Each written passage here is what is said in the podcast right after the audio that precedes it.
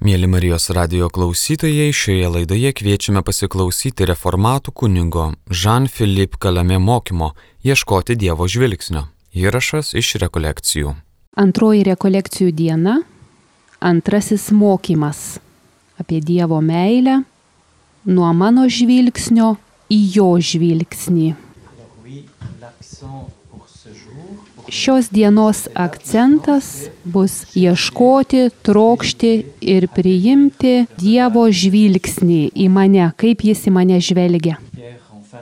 Vakar vakare mes mąstėme apie tai, kaip Jono Krikštitojo mokiniai pasirinko susitikti su Jėzumi, prie jo prisartinti. Jonas Krikštytas matė praeinantį Jėzų ir pasakė, štai Dievo avinėlis. Jie galėjo tiesiog taip probėgšmiais pažvelgti į praeinantį Jėzų, kaip mes pažvelgėme į kažką einantį gatvę. Bet jie įdėmiai įsiklausė į tai, ką pasakė Jonas Krikštytojas. Ir nuo to išorinio žvilgsnio, tokio atsitiktinio, jie perėjo į tą vidinį žvelgimą į Jėzų. Ir tokiu būdu vidiniai pažino Jėzų, tuo vidiniu pažinimu. Šventasis Ignacas tai vadina vidiniu Dievo pažinimu, iš vidaus pažinti Dievą, Jėzų.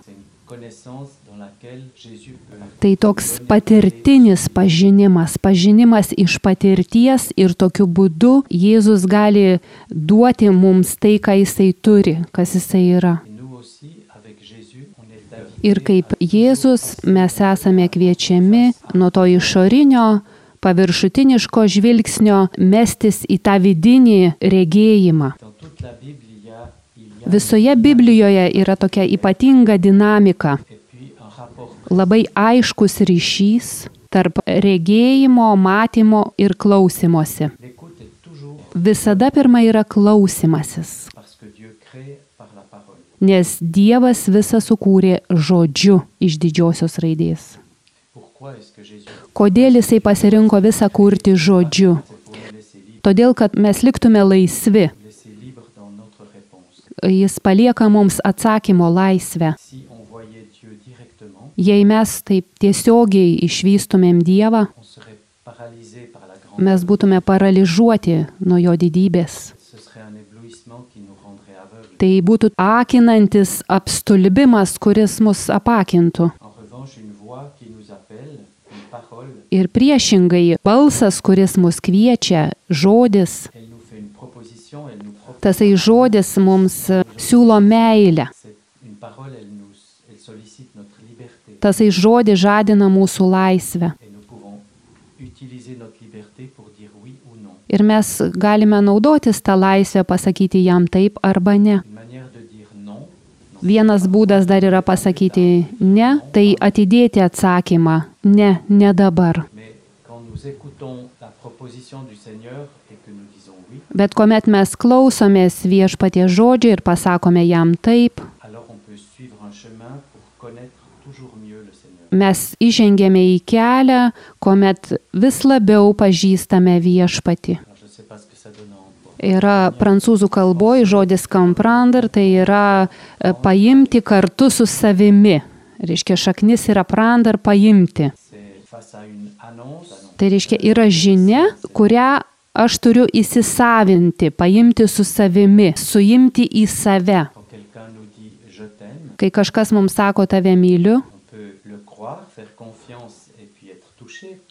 mes galime patikėti ir tiesiog esame paliečiami tos meilės. Arba galime tą žodį per atstumą išlaikyti ir neleisti prisiliesti prie savęs. Jei mes klausome Dievo ir įsisaviname, priimame tai, ką Jis mums sako, mumise išsiskleidžia vidinis regėjimas. Mes nematėme Jėzaus, nematėme jo asmens. Bet kuo labiau apmastome Evangelijas, tuo labiau pažįstame Jėzų, kuris gyvena mūsų širdyse. Ir tiesiog, kuo labiau apmastome Evangelijas, mes susitinkame Jėzaus žvilgsnį, mes apsikeičiame su Jėzumi žvilgsniais, reiškia tų meditacijų, kontempliacijos metu. Ir tas apsikeitimas žvilgsniais, jo žvilgsnis į mus keičia mūsų gyvenimus. Mes visi žinome, kad kito žmogaus žvilgsnis daro įtaką mano gyvenimui. Ir juo labiau Jėzaus žvilgsnis įtakoja mūsų gyvenimą. Yra Meksikoje gentis, kurioje, kai žmonės susitinka, neklausia, kaip tu gyveni, kaip tau sekasi. Tai būtų, kaip tu žvelgi? arba kaip gyvuoja tavo žvilgsnis, jeigu tiesiogiai vertimas būtų. Tad žvelgimo patirtis yra labai svarbi, kuomet mokomės vairuoti. Mokykloje, kurioje mokėsi vairuoti Žan Filipas, pirmoji taisyklė - kur tu žiūri. Jeigu aš sako žiūriu ir savo tiesiai prieš vairą, tai yra labai pavojinga. Ir jeigu aš žiūriu visur aplinkui, tai taip pat pavojinga. Ir moko žvelgti teisingai, žiūrėti ten, kur reikia, kad galėtumėm gerai vairuoti. Ta pati taisyklė galioja ir ekumeniniam bažnyčių susitikime. Labai svarbu, kur mes žvelgiame, kur padedame tą žvilgsnį, jeigu tiesiogiai, va kaip tėvas sako. Kur, kur jį padedam, kur žiūrim. Ir iš kur, du, a, iš kur, taip, iš kur ir į kur. Tai įtakoja, kaip mes pagauname tą realybę aplinkui. Taip pat kaip žvelgiame, įtakoja ir mūsų laikyseną bažnyčioje, savo bažnyčioje. Taip pat įtakoja būdą, atsiverimą, gebėjimą kalbėtis. Tėvas sako, kad aš iš pat šaknų priklausau reformatų bažnyčiai, esu reformatas, toks esmiškai reformatas. Bet taip pat aš turiu bažnyčios tikinčiojo identitetą, tapatybę. Tokį labiau platų. Nes aš gilinausi ir giliai įsisavinau katalikų liturgiją. Nuo pat jaunystės aš dalyvavau daugybėje šventų mišių. Ir daug metų aš vedu Šventojo Ignaco dvasinės pratybas. Ir su tėvu Eduardu Gedanu, tokiu jezuitu, tai buvo tikrai dalinimasis patirtimi. Ir vienas jezuitų provinciolas Šveicarijoje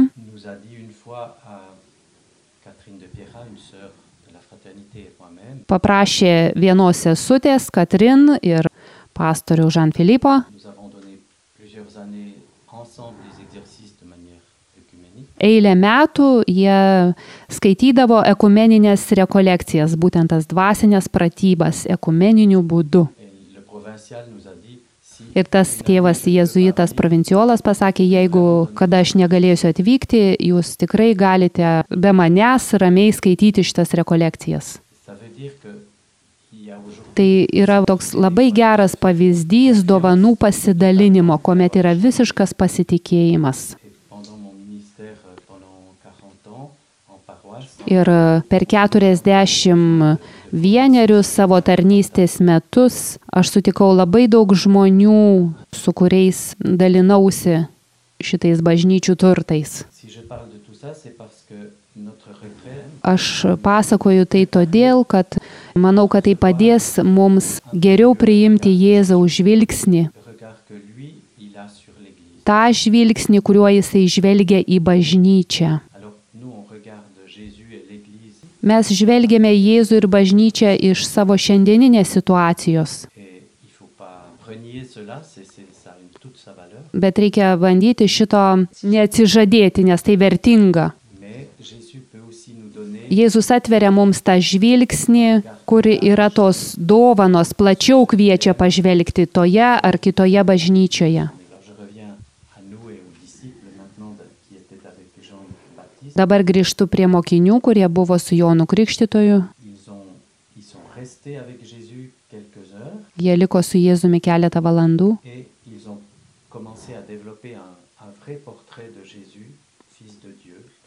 ir savo širdise jie pradėjo atrasti Jėzų kaip Dievo sūnų. Prasidėjo kelionė atradimo.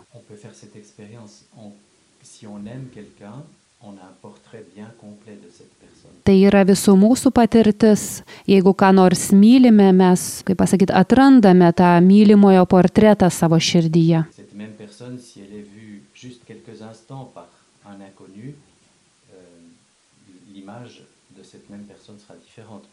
Jeigu kažkas pažvelgia į mano žmoną, va tai pro, probėgšmiais, jis gali pasakyti daug malonių dalykų apie ją, bet aš manau, kad aš galiu daugiau pasakyti malonių dalykų apie ją, kaip jos vyras. Pasilikti, būti su Jėzumi mums padeda įžengti į bendrystę su juo. Padeda pasilikti kaip pakrikštytiesiems skirtingose tradicijose gyvenantiems krikščionims. Pabuvę keletą valandų su Jėzumi, mokiniai tampa gerosios naujienos nešėjais. Jie išeina, kad praneštų, kad Jėzus yra Mesijas. Kodėl jie nesaugojo šitos naujienos savo patiems? Nes Jėzaus ateimas į pasaulį visiškai pakeičia galimybę gyventi pasaulyje, suteikia naują galimybę.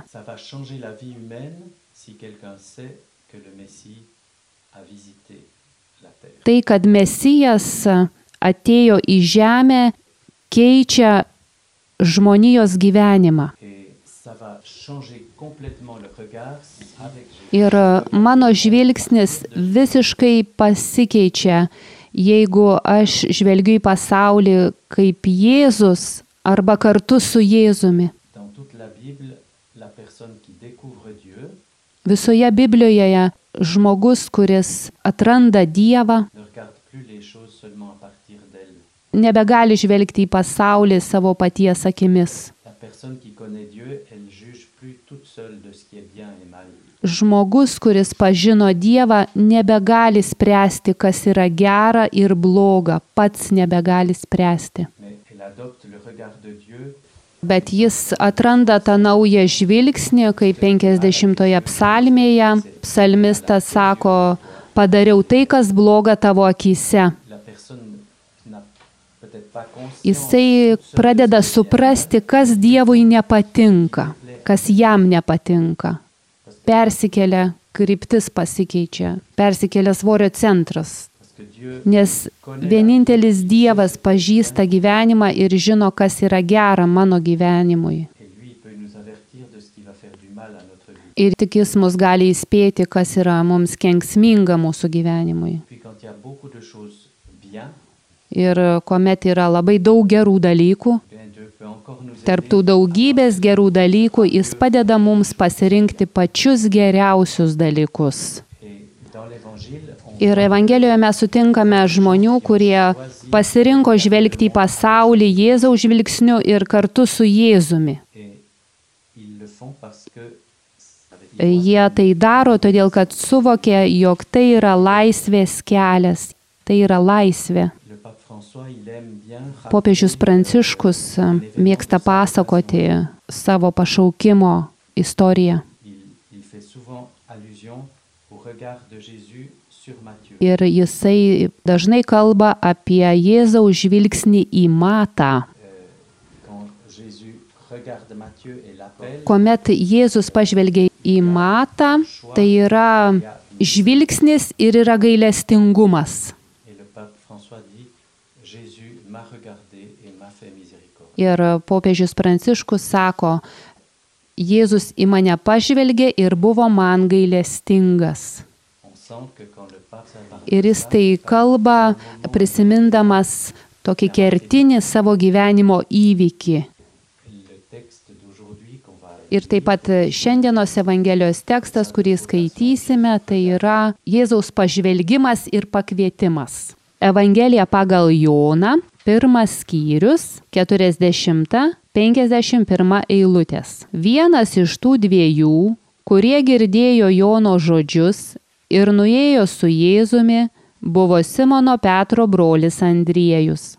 Jis pirmiausia susieškojo savo brolį Simoną ir jam pranešė, radome Mesiją, išvertus tai reiškia Kristų, ir nusivedė jį pas Jėzų. Jėzus pažvelgė į jį ir tarė, tu esi Simonas Jono sūnus, o vadinsies Kefas, tai reiškia Petras uola.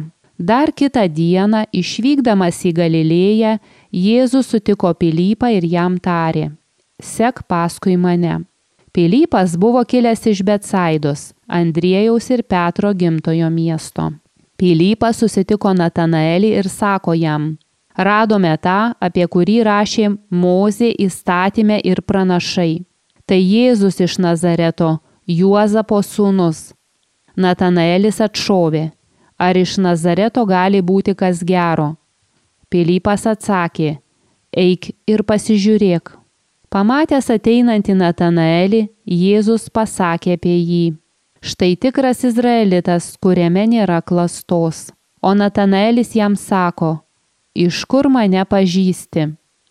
Jėzus atsakė, prieš pakviečiant tave Pilypui, aš mačiau tave po figmedžiu. Natanaelis sušuko, rabi, tu Dievo sūnus, tu Izraelio karalius. Jėzus atsakė, tu tiki, kadangi pasakiau tave matęs po figmedžiu, tu pamatysi didesnių dalykų. Ir pridūrė, iš tiesų, iš tiesų sakau jums, jūs matysite atsivėrusi dangų ir Dievo angelus, kylančius ir nusileidžiančius ant žmogaus sūnaus.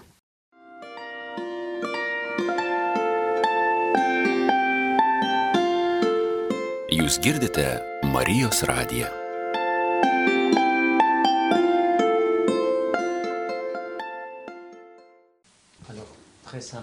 Šitame tekste galime atrasti keletą tokių labai e, skirtingų situacijų, kuomet Jėzus žvelgia, kuomet jeigu vat, pažvelgtume į jo žvilgsnį, į žmonės. Pirmasis yra Simonas, kuriam Jėzus pasako, tu vadinsies em, Kefas, Petras. Šitoje situacijoje galime nujausti, kad Jėzus jau nusako Dievo planą Simonui.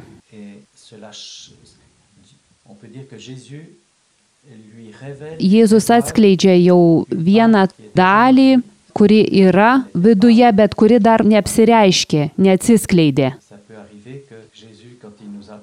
Iš to pavyzdžio galime suprasti, kad kai Jėzus mus pašaukė kiekvieną, jis jau apreiškė tokią viziją, bendrąją viziją, koks bus mūsų kelias. Bet taip pat yra kita situacija su Filipu, kurį taip pat Jėzus pašaukė, bet nežinome, kas nutiko.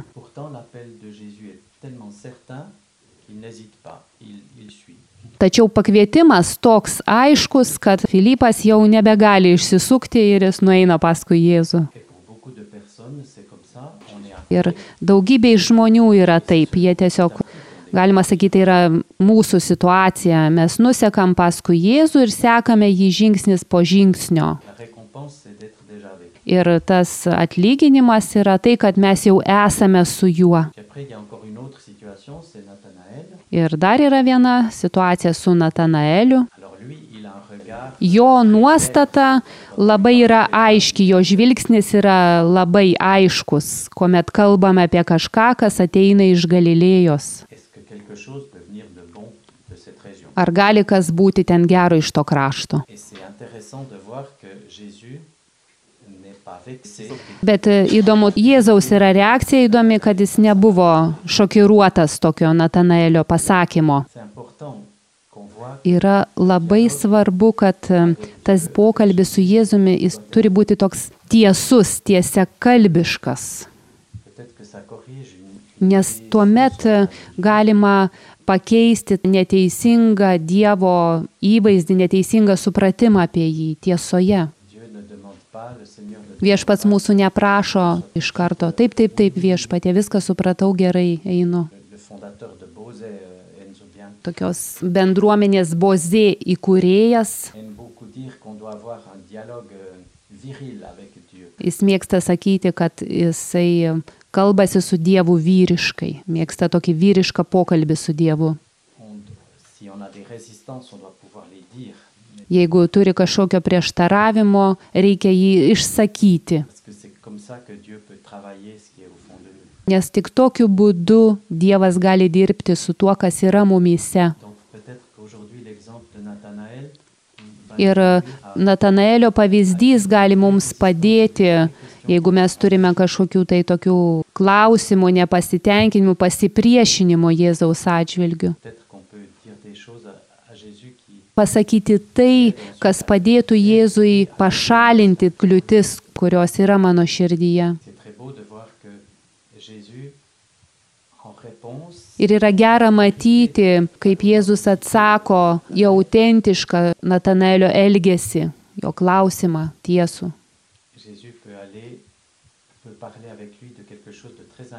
Ir Jėzus tuomet gali kalbėti apie kažką labai intimaus su juo, asmeniško. T'ai. Kai tu buvai po figmedžių, tave mačiau. Manau, kad daug žmonių šiandien nesupranta, ką jisai to norėjo pasakyti. Ką Natanaelis išgyveno būdamas po figmedžių, apie ką jisai mąstė. Galbūt tai buvo labai tokie asmeniški apmąstymai, žmonės nežino. Bet iš Natanaelio reakcijos suprantame, kad jisai priėmė tai, ką Jėzus jam pasakė ir jisai suvokė, kad Jėzus žino, ką jisai mąstė po to figmedžių. Ir jis pasakė, iš tikrųjų, Jėzus mane labai gerai pažįsta ir jis mane myli. Même si c'était peut-être quelque chose de Net jeigu tai buvo ir kažkokie sunkumai Natanaeliui. Gali būti, eh euh, bet jis tai išgyveno kaip išsilaisvinimą. Jis nebebuvo vienas su tomis savo mintimis. Ir tas pavyzdys rodo, kad Dievas per Jėzų mane labai gerai pažįsta ir mane myli ir nori man gero. Ir Natanaelis atpažįsta Jėzų, jo žvilgsnis visiškai pasikeičia ir nebesvarbu iš kur, kad iš Galilėjos, bet įvyksta atpažinimas. Ir Jėzaus atsakymas yra, kad tavo gyvenime vis labiau ir labiau atsivers durys, vartai po vartų. il y a un psaume qui dit un peu Ir yra tokie psalmės žodžiai, kad mes keliaujame per kalvas, žengėme nuo kalvos į kalvą ir Dievas mums apsireiškia ant Jeruzalės kalno, ant Jono kalno. Tai galbūt įreiškia tai, ką Jėzus sako, kad jūs matysite atsivėrusi dangų ir Dievo angelus kylančius ir nusileidžiančius ant žmogaus sūnaus. Galbūt tai yra aluzija į Jokūbo kopiečias Senajame testamente, kada jisai sapnavo kopečias į dangų ir angelus, nusileidžiančius ir kylančius aukštyn.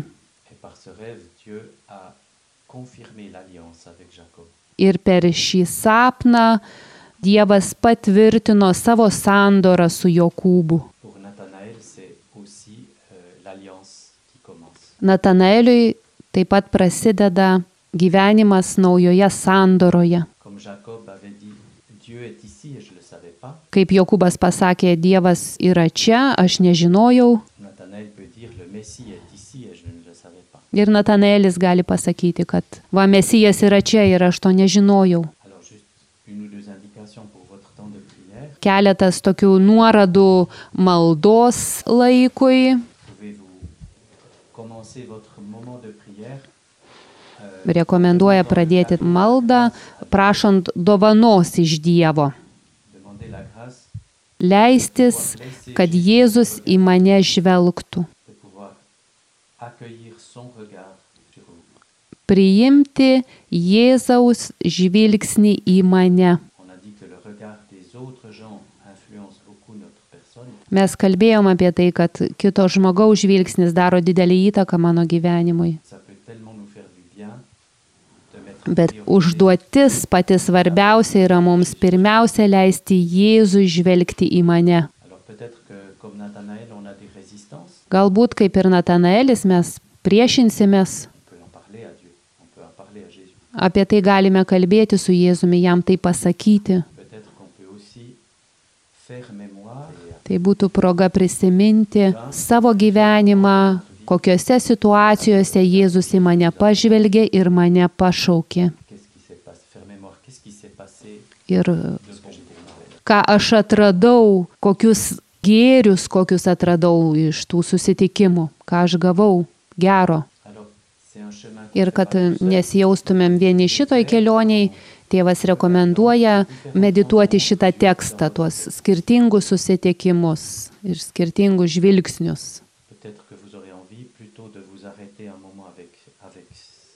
Galbūt jūs sustosite daugiau ties Simonu, arba ties Filipu, arba Natanaeliu. euh.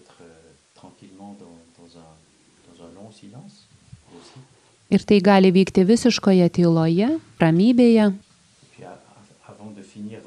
Ir baigiant maldą, išsakykite Jėzui, kaip jūs tuo metu jaučiatės. Ir po maldos, čia pagal Ignacą, būtų patarimas užsirašyti keletą akimirkų, kai praėjo malda. Net jeigu ir sunkoka tai padaryti, šitos maldos yra sunkoka patirtis, bet yra gera užsirašyti, nes po keleto dienų matysime, kaip viskas vystėsi, kaip ėjosi toliau. Tėvas nori užbaigti teizė giesme. euh, Jėzus Kristus, vidinė šviesa. laisse pas les ténèbres me parler. Jésus le Christ, lumière intérieure. Jėzau, neleisk man likti tamsoje, bet leisk man priimti tavo meilę. Jésus le Christ, lumière intérieure, ne laisse pas mes ténèbres me parler. Jésus le Christ, lumière intérieure, donne-moi d'accueillir ton amour. Šioje laidoje klausėmės reformatų kunigo Jean-Philippe Kalame mokymo Ieškoti Dievo žvilgsnio. Įrašas iš rekolekcijų. Likite su Marijos radiju.